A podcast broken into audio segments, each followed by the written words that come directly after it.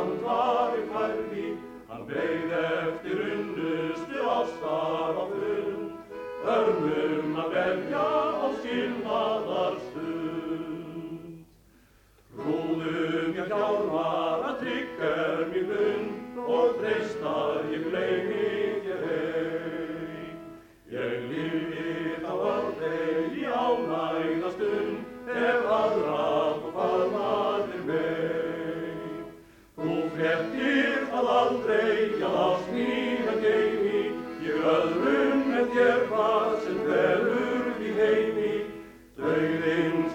okkur að skilja hér, að eilífu hjarta mitt til heilir hér. Sjö voru ástringir útbrunnir þá, er endaði styrjöldin laung. Og Noregur hitti sér bróðinu frá, og fánir að dreginn að stöng. Gladur og hjálmar í hjarta, hugði að faðmar sér á snegjum hjarta, en örlögin far ekki eftir því grann, er í elskendur gittla sitt draumanna land. Þetta þú hjálmar, þú velkomi sér, frá opnan og opnandi brauð. Það get ég sagt þér að ég er, því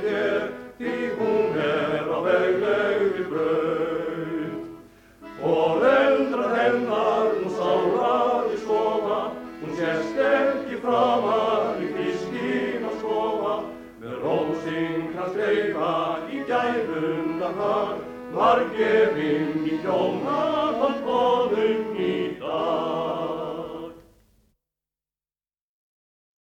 Komiði sæl. Hér á undan sungu Tryggvi Tryggvason og félagar lægið Hjálmar og Hulda en Ólafur Pétursson leik með á harmoníku.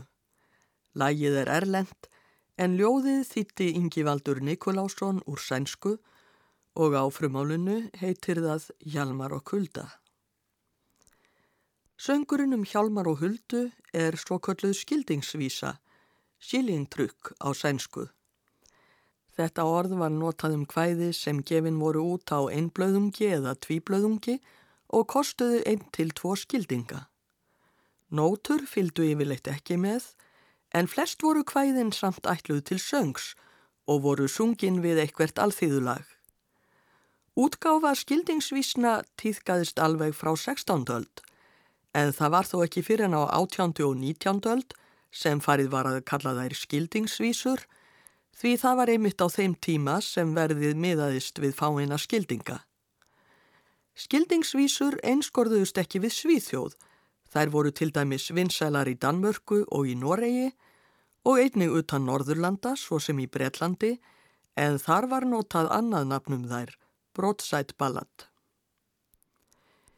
Eins og þeir heyrðu sem lögðu eirun við tekstanum sem sungin var hér áðan, er kvæðið um hjálmar og huldu saga um ást og svik.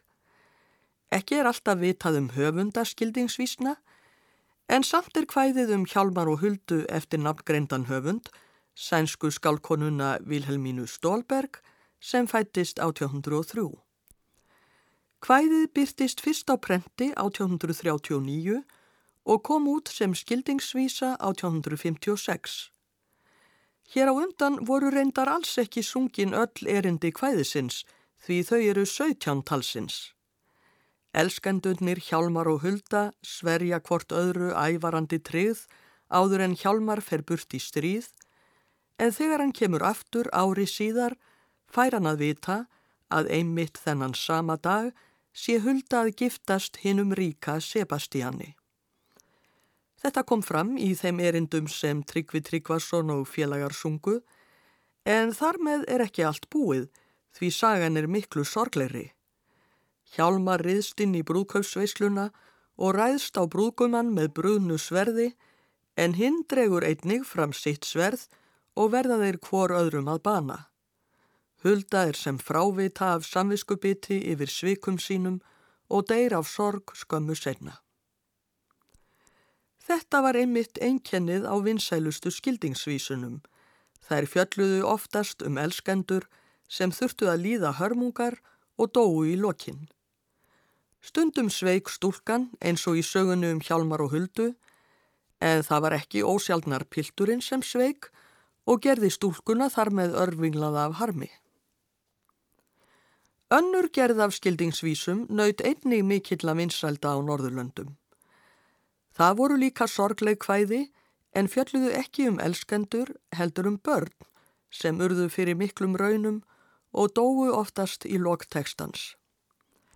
Ég ætla nú hér í þættinum að fjallum þessa gerð af skildingsvísum en í þættinum eftir viku verður fjallaðum hinagerðina, söngvana um hina ógæfusömu elskendur.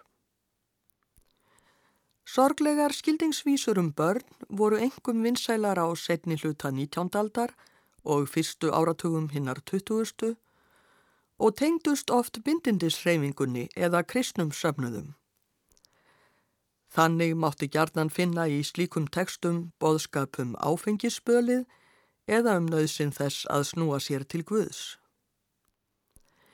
Vinsældir söngva af þessu tægi koma vel fram í barnasögunni Mattit, Mattiken, eftir Astrid Lindgren.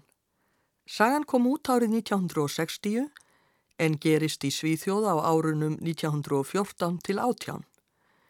Í upphafi sögunar er Mattitt litla að syngja vísu sem hún hefur sjálf samið fyrir þottakonuna Línu en Lína er lítið hrifin af skálskapnum. Já, svei, því líkt bull, segir hún. Kantu engar fallegar vísur, Mattitt litla? Mér finnst þetta falleg vísa, segir Mattitt. En vísurna sem þú kant eru samt fallegri. Lína mín, syngdu vísuna um hjártbrautina hans Jésu upp í heiminin. En hana vill Lína ekki fara með þegar hún er að skóla þvott, sem betur fer. Því að jafnvel þótt Mattit sækist eftir að heyra vísuna um hjártbrautina hans Jésu, þá kemur hún alltaf út á henni tárunum. Hún þarf ekki annað en að hugsa um hana, þá vöknar henni um augu. Vísan er svo voða sorgleg. Þar segir frá lítilli telpu sem heldur að hún geti ekið í hjártbrautarlest upp til heimins til að hitta mömmu sína sem er dáin. Nei, Mattit þólir ekki að hugsa um það núna. Öll hvæðin hennar línu eru jafn daburleg. Mömmurnar eru alltaf að deyja og papparnir sitja á knæpunni og drekka sig fulla svo endar með því að krakkarnir deyja líka. Þá fara papparnir heim og fá hræðilegt samviskupitt og lofa að drekka aldrei framar en það er nú heldur seint séð. Sigrún Árnadóttir þýtti söguna um Mattit yfir á íslensku og síðar í sögunni segir frá því þegar Mattitt og litla sýstir hennar, Beta, fara í heimsókn til línu. Er setjast fyrir framann eldstóna og steikja eppli og lína spilar á gítarin og syngur fyrir þeirra meðan. Meira, meira, segja Mattitt og Beta í hvert skipti sem lína ætlar að hætta og hún syngur fjöldan allan af raunalegum ljóðum, til dæmis Æ pappi minn kæri, komdu með mér heim, fíkur yfir hæðir, við hliðið stend ég, segðu mér söguna aftur. Að lokum syngur hún líka hjártbraut Jésu upp í heiminin og þá leggur Mattit blöytu döluna yfir augun á sér. Haha, það er bara til að við sjáum ekki að þú ert að skæla, segir Beta. Sjálf skælir hún ekki út af einni einustu vísu. Hvað raunaleg sem hún er? Hlustendur eru ef til vill orðnir forvittnir að heyra hins sorglega söng um hjártbraut Jésu upp í heiminin. Við skulum nú heyra Artur Eriksson syngja hvæðið. Þar segir frá lítilli stúlku sem kemur upp í lest og þegar lestarstarfsmaðurinn spyr hvert hún sé að fara, segist hún ætla upp í heiminin með járbraut Jésu. Hann spyr hvað hún eigi við en hún segir að mamma sín hafi sagt sér að Jésús væri vegurinn til himna. Þarna myndast orðaleikur á sænsku vegna þess að járnbraut heitir á því tungumáli jernveg, járnvegur. Nú er mamma mín dáin, segir stúlkan, engin er góður við mig og ég vil fara til himna. Lestarstarfsmæðurinn kemst við og tekur stúlkuna í fóstur en hún deyr skömmu síðar. Inn í frásögnina er blandað trúbóði. Söngurinn er eftir Jóel Blomqvist, samin 1884.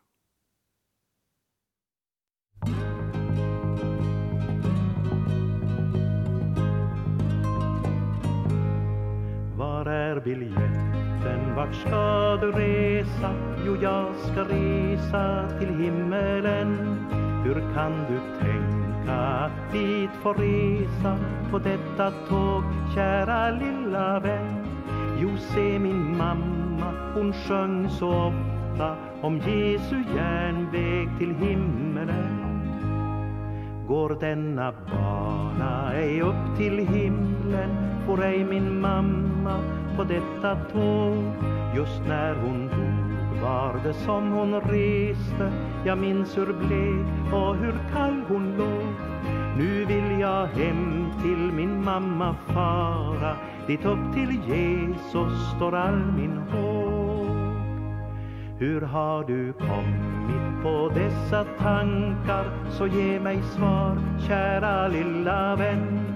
Jo, se min mamma, hon sjöng om Jesus Att han är vägen till himmelen. Att han på korset sig låtit döda Och det av kärlek till syndaren. Nu är det ledsamt och tomt där hemma Sen lilla mamma ej finns där mer. Allt sen hon reste det finnes ingen Som för mig sjunger om mot mig ler.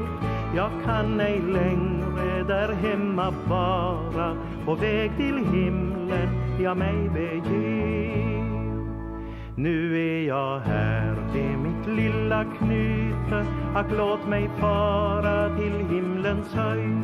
På himlatåget jag fritt får resa Så sjöng min mamma så glad och nöjd.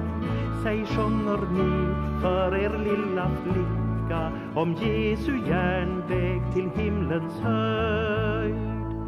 Säg har ej ni och en liten flicka? Ack jo, men hon har gått hem till Gud. For hon till Jesus på denna järnväg? Vad får jag henne? Väl ge förbud? Kan jag få säga jag såg din fader på himlens tåg fara hem till Gud.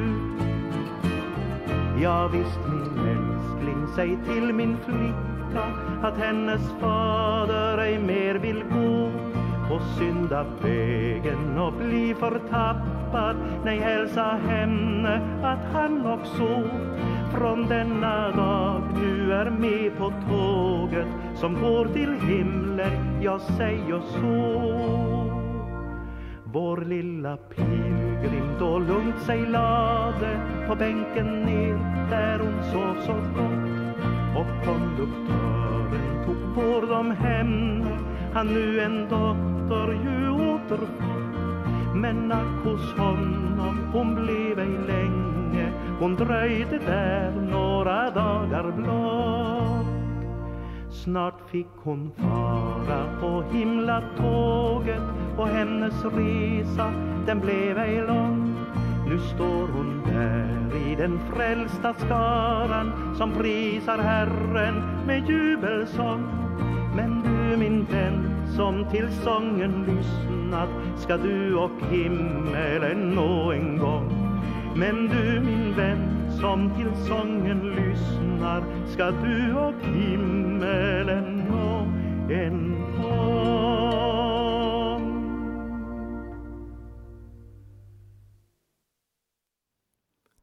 Artur Eriksson söng og leik Var er biljetten eftir Jóel Blomqvist.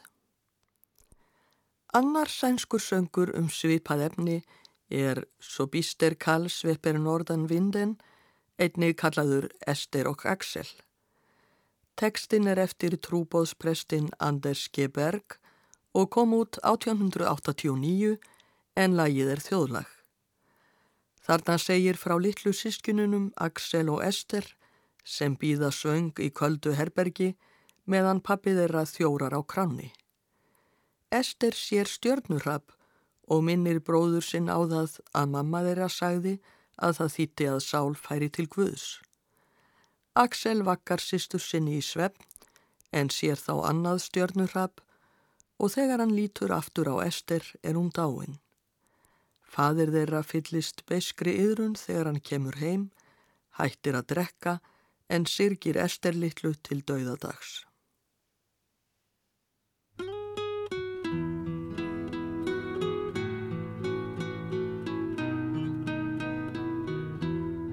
Så bister kall blåser nordan vinden kring stuguknuten i senan kväll. I stugan sitter så blek om kinden en liten flicka vid spisens häll.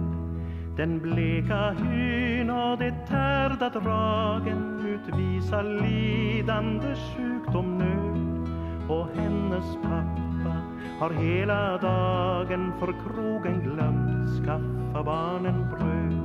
Vid fönstret hennes bror Axel sitter så tankfull blickande upp mot sky och sinnets hägring en ljuven gitter snabbt växlar om för hans inre syn och stackars Ester som högljutt gråter han tårögt söker att trösta så. Gråt icke, pappa snart kommer åter och bröd vid skola då säkert få Men broder minns du då mamma levde? Hur annorlunda det var mot nu? I kalla vintern vi ej behövde på pappa vänta. Men snälla du Lyft upp mig, sätt mig vid fönstret broder. Jag vill så gärna mot himlen se. Kan hända då att vår ömma moder vill blicka ner och emot mig le.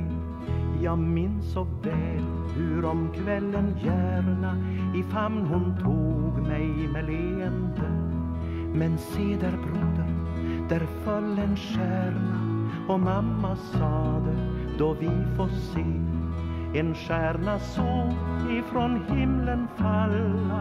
En själ då får gå till himlen upp När jag till mamma går hem av alla små stjärnor En faller ur sitt lopp Men låt mig bror i din famn så stilla få vila mig ty jag är så trött och brodern tar då sin syster lilla och i hans armar hon slumrar sött. Han sitter tyst där och vaggar sakta sin lilla syster på sina knän men ser mot himlen och får betrakta en stjärna falla i rymden. En liten stjärna så Ester sade ska falla ner då jag går till Gud. Så tänker brodern och så hon hade då han ser efter. Fått dödens bud se ögat bröstigt och bleka kinden. Ej mera sköljes av sorgens tår ej mer hon isas av kalla vinden men evig sällhet hon njuta får. När sedan fadern från krogen åter till hemmet kom då var Ester död. Och då fast sent han sin synd begråter och flyr till Jesus ut i sin nöd. Nu aldrig mer han på krogen sitter men ofta böjd mot sin vandringsstav ses fälla tårar i ånger bitter vid enkla vården på Esters grav.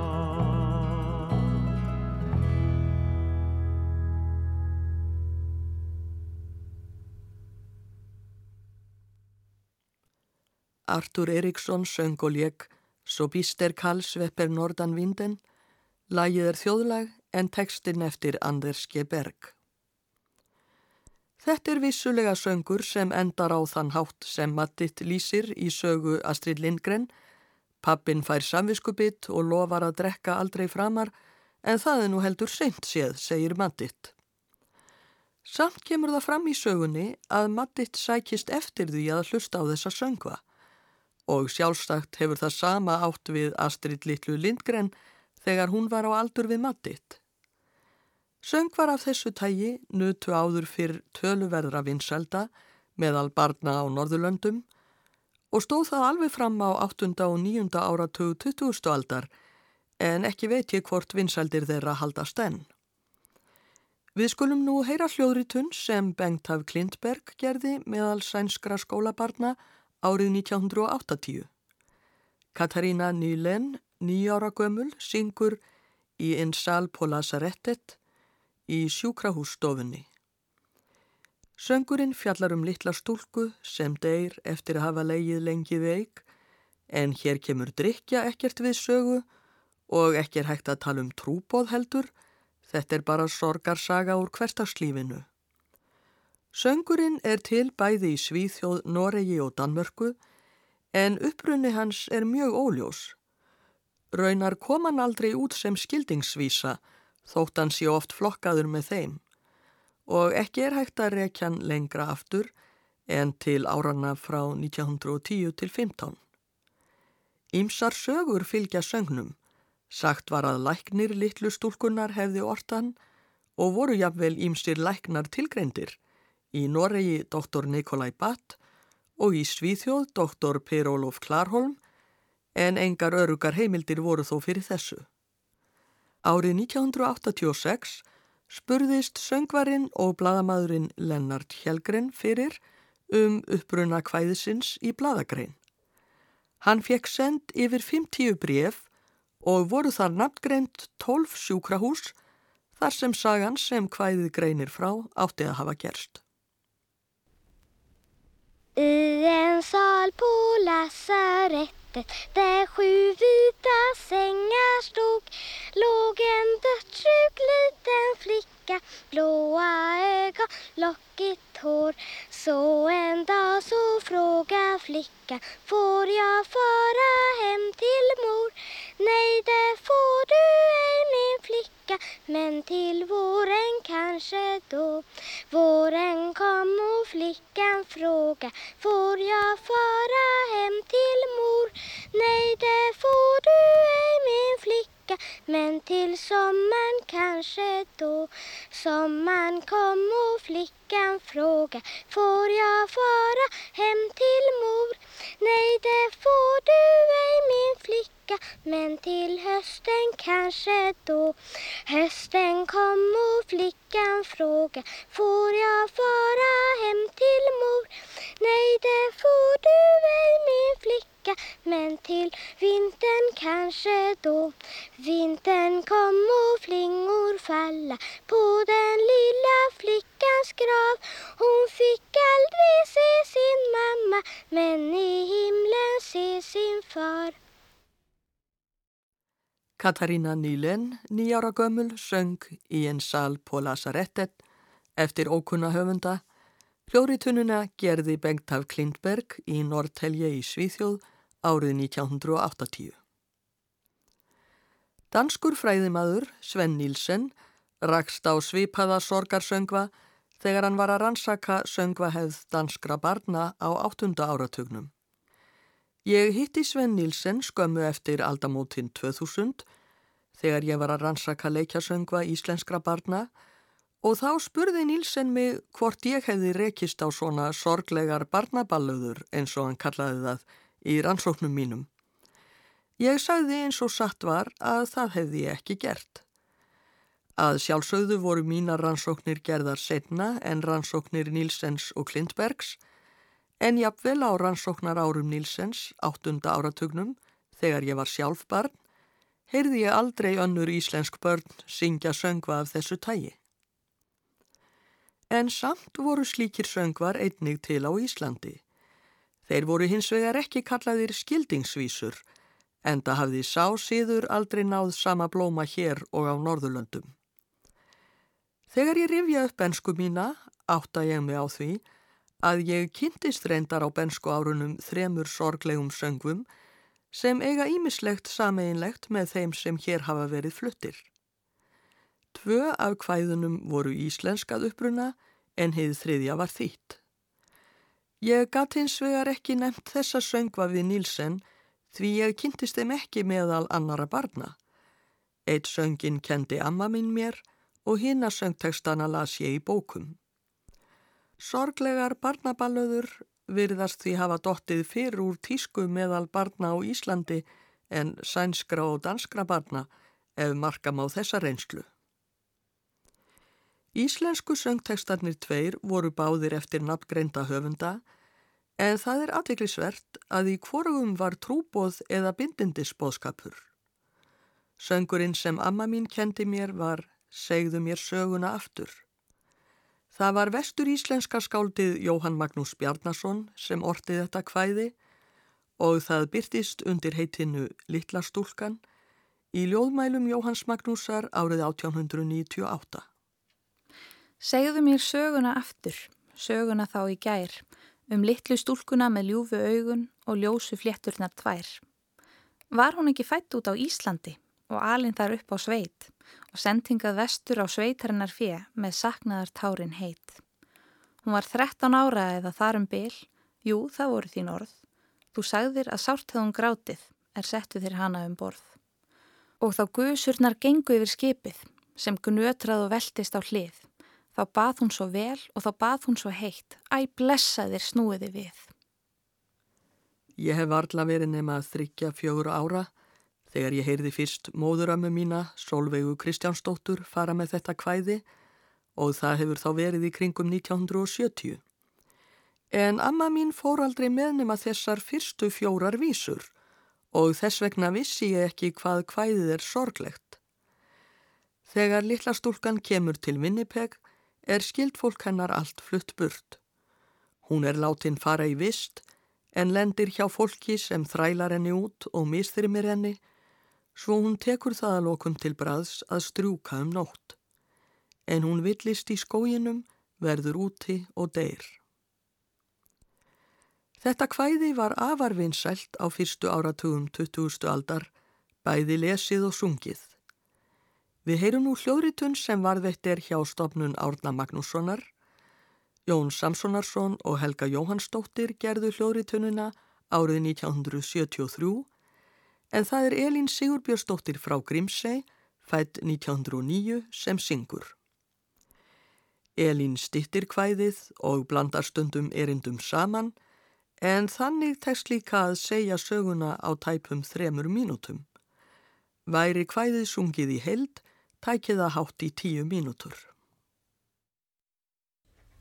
Segðu mér söguna aftur, söguna þá í gær, af litlu stúlkunni ljúum með ljósu flétturnar tvær.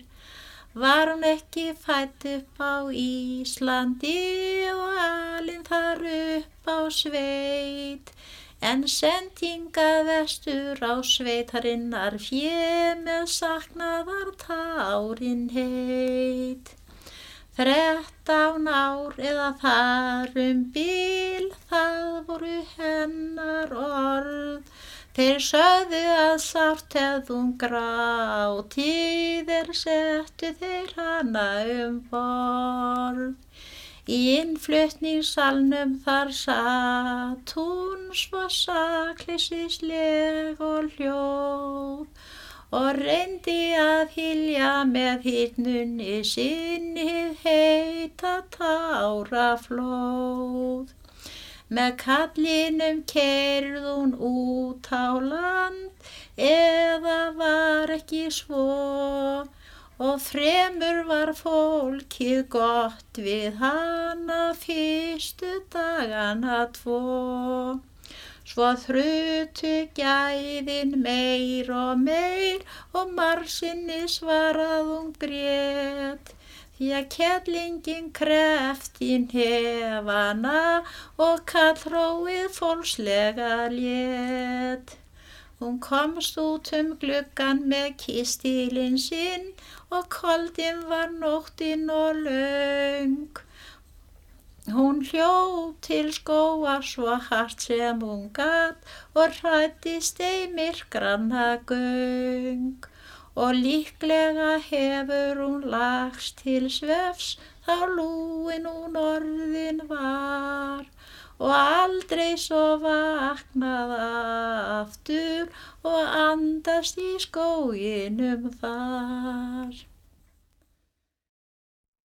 Elín Sigurbjörnsdóttir söng Segðu mér söguna aftur, hvæði eftir Jóhann Magnús Bjarnason en ekki er vitað um höfund lagsins. Jón Samsonarsson og Helga Jóhannsdóttir gerðu hljóðritununa fyrir Árnarsafn árið 1973. Í Árnarsafni er til hljóðritun með öðru lægi við kvæðið. Það syngur Sigriður Einarsdóttir en hún fættist árið 1901 í Lóni í austur Skaftafellsíslu. Hljóðritunin er gerð 1969. Við heyrum hér fyrstu fjórar vísurnar í flutningi Sigriðar. Segðu mér söguna aftur, söguna þá í gær, af litlu stúrkunni ljúfu með ljósu flétturna tvær, af litlu stúlkunni ljúfu með ljósu flétturna tvær. Var hún ekki fættum á Íslandi og alinn þar upp á sveit. Sendingað vestur og sveitarinnar fjö með saknaðar tárin heit. Sendingað vestur og sveitarinnar fjö með saknaðar tárin heit. Þrettán árið að þarum bíl, það voru þín orð. Þú sagðir að sárt hefðum grátið, er settu þeir hana um borð. Þú sagðir að sárt hefðum grátið er settu þeir hana um borð. Gusurnar gengi við skipið, það nötrað á veltist á hlýð. Þá bað hún svo heitt, þá bað hún svo vel, æ blessaði snúið þið við. Þá bað hún svo heitt, Þá bað hún svo vel, æ blessaðir snúiði við. Sigriður Einarsdóttir söng fyrstu fjögur erindin úr hvæðinu Segðu mér söguna aftur eftir Jóhann Magnús Bjarnason. Þetta var hljóðritun Árnasaps frá 1969. Hitt íslenska sorgarljóðið sem ég kynntist þegar ég var lítil sótti efni í Íslendingasögurnar nánar tiltekið sjálfa brennunjálssögu. Þetta er kvæðið Bergþórskvoll logandi blasir við sín eftir Ingi Björgu Benediktsdóttur. Þar er sögð sagan af því þegar Njál og Bergþóra sáu fram á að brenna inni og barnabart þeirra, Þórður Littli, vildi fá að deyja með þeim. Í Njálssögu er frásögnin þannig.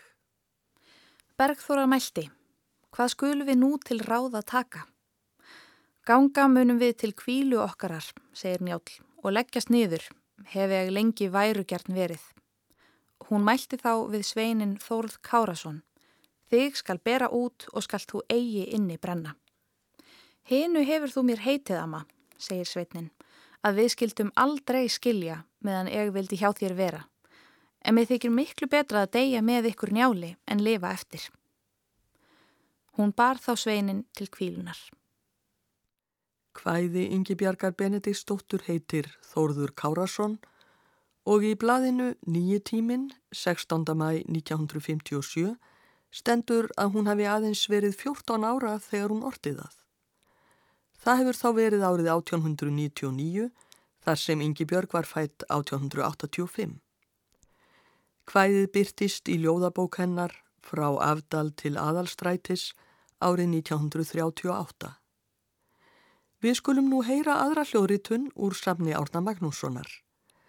Það er Sigriður Einarstóttir, fætt 1901 í Lóni Östur Skaftafellsíslu sem syngur. Samkvæmt skráningu Árnasaps gerði Sigriður hljóðritununa sjálf árið 1969 en það virðist þó hafa verið að frumkvæði Helgu Jóhannsdóttur. Bergþórs hvað logandi blasir við sín, blossin við híminindin bláa skín. Njátt þar og Bergþóra býða með róð, þeim bóðinn var útgang en neituðu þó.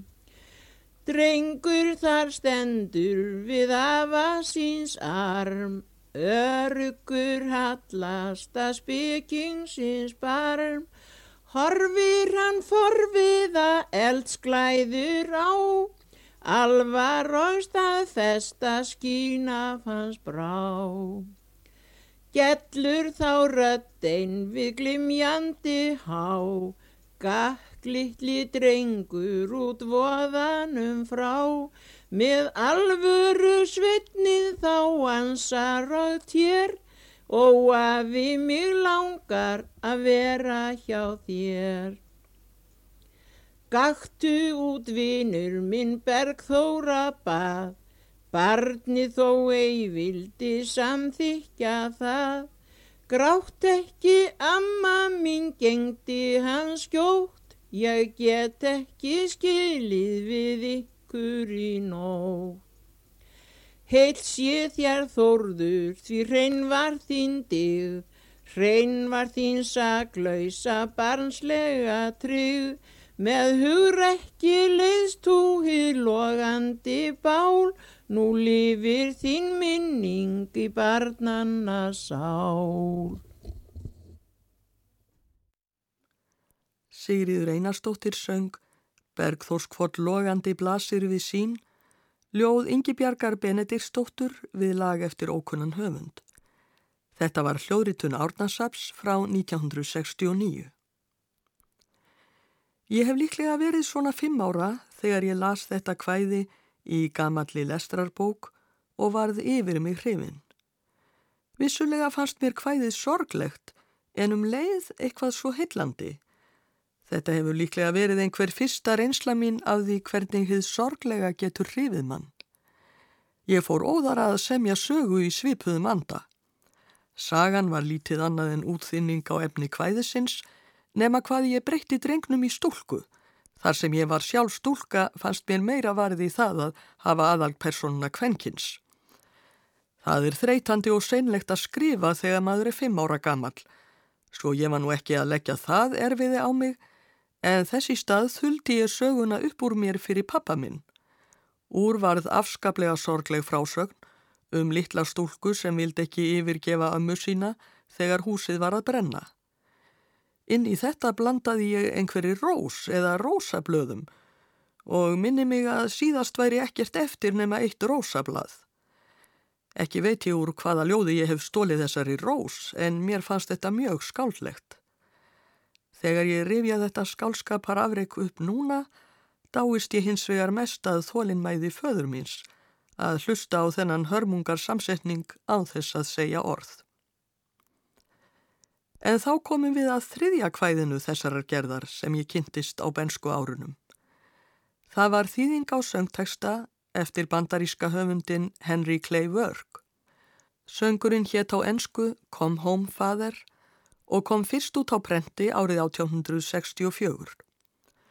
Vörk var vinsæl söngvahöfundur og samti bæði lög og texta sjálfur. Hér var um að ræða bitra ádeilu á áfengisspölið og sá sem þýtti kvæðið yfir á íslensku var líka íslenskur bindindisfrömmuður, vestur íslendingurinn Sigurður Július Jóhannesson.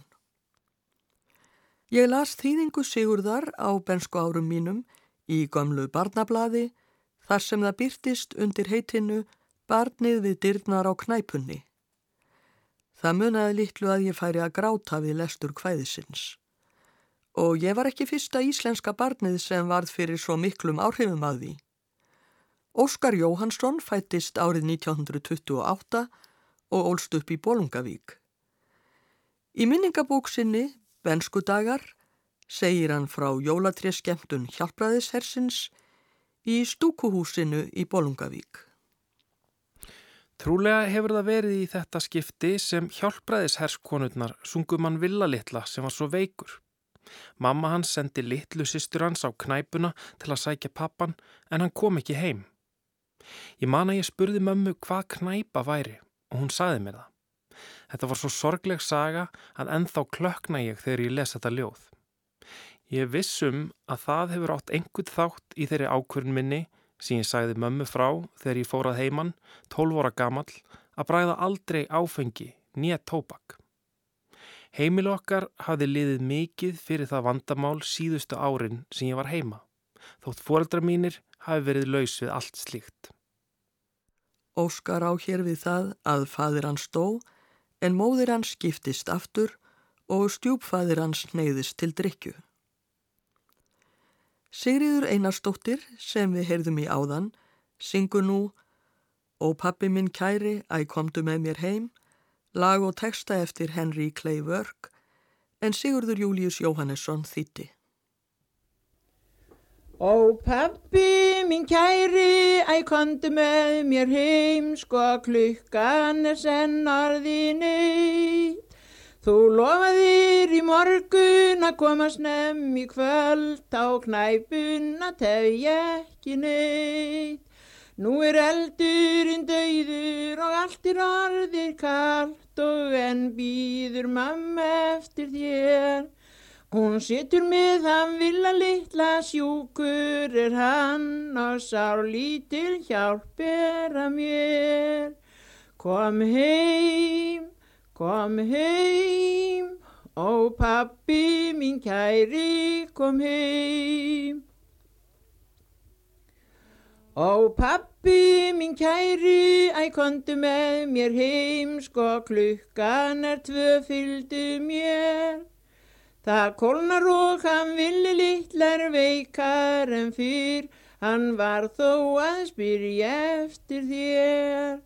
Og það segir hún mamma mín að þingju honum en að þá munan deyja í nótt.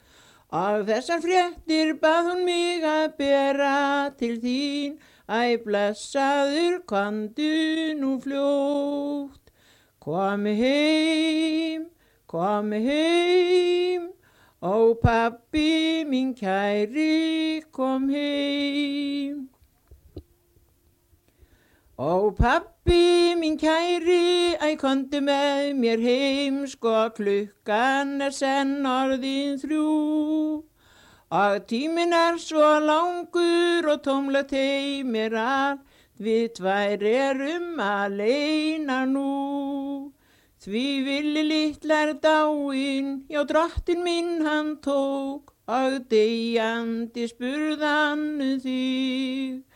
Hann kallaði á þig pappi minn og bauð þér góða nótt og bað þig að kýsa sig.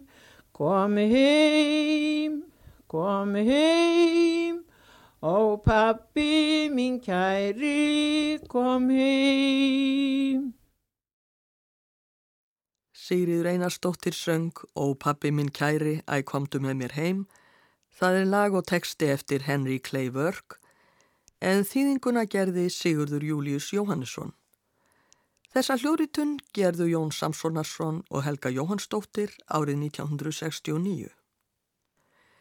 Í vefritinu Wikipedia er þessi söngur Works kallaður To Mokis for Modern Tastes eða of væmin fyrir nútíma smekk.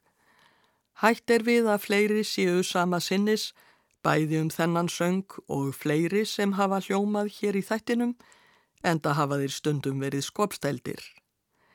Ég er ekki tissa á því, en þrátt fyrir allt þykir mér enþá svo litið vænt um þessa þrjá söngva sem ég kynntist þegar ég var lítil. Þeir fel í sér eitthvað sem kannski má kalla barslegt sakleysi. Börn eru að vísu ekki alltaf jafn saklaus og fullordnir ímynda sér, en flest þeirra finna einhver tíma fyrir hrifningu á hinnu sorglega, eins og ég gerði þegar ég las ljóðið um Þórð Kárasson fimm ára gömul. Og það getur í sjálfu sér verið ingangur að dýpri skálskap sem aður kynnist síðar á lífsleiðinni.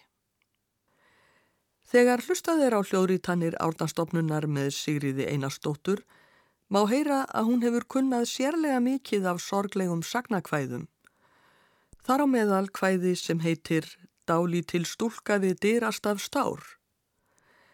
Ég hef því meður ekki fundið neinar upplýsingar um höfunda þess kvæðis, nýheldur lagsins, en á bandinu segist Sigriður hafa lært að af móðu sinni í lóni og efnisins vegna gæti kvæðið vel verið íslenskt. Það fjallar um litla stúlku sem er útýst í stórrið en margar sagnir um slíkt má finna í íslenskum þjóðsögum.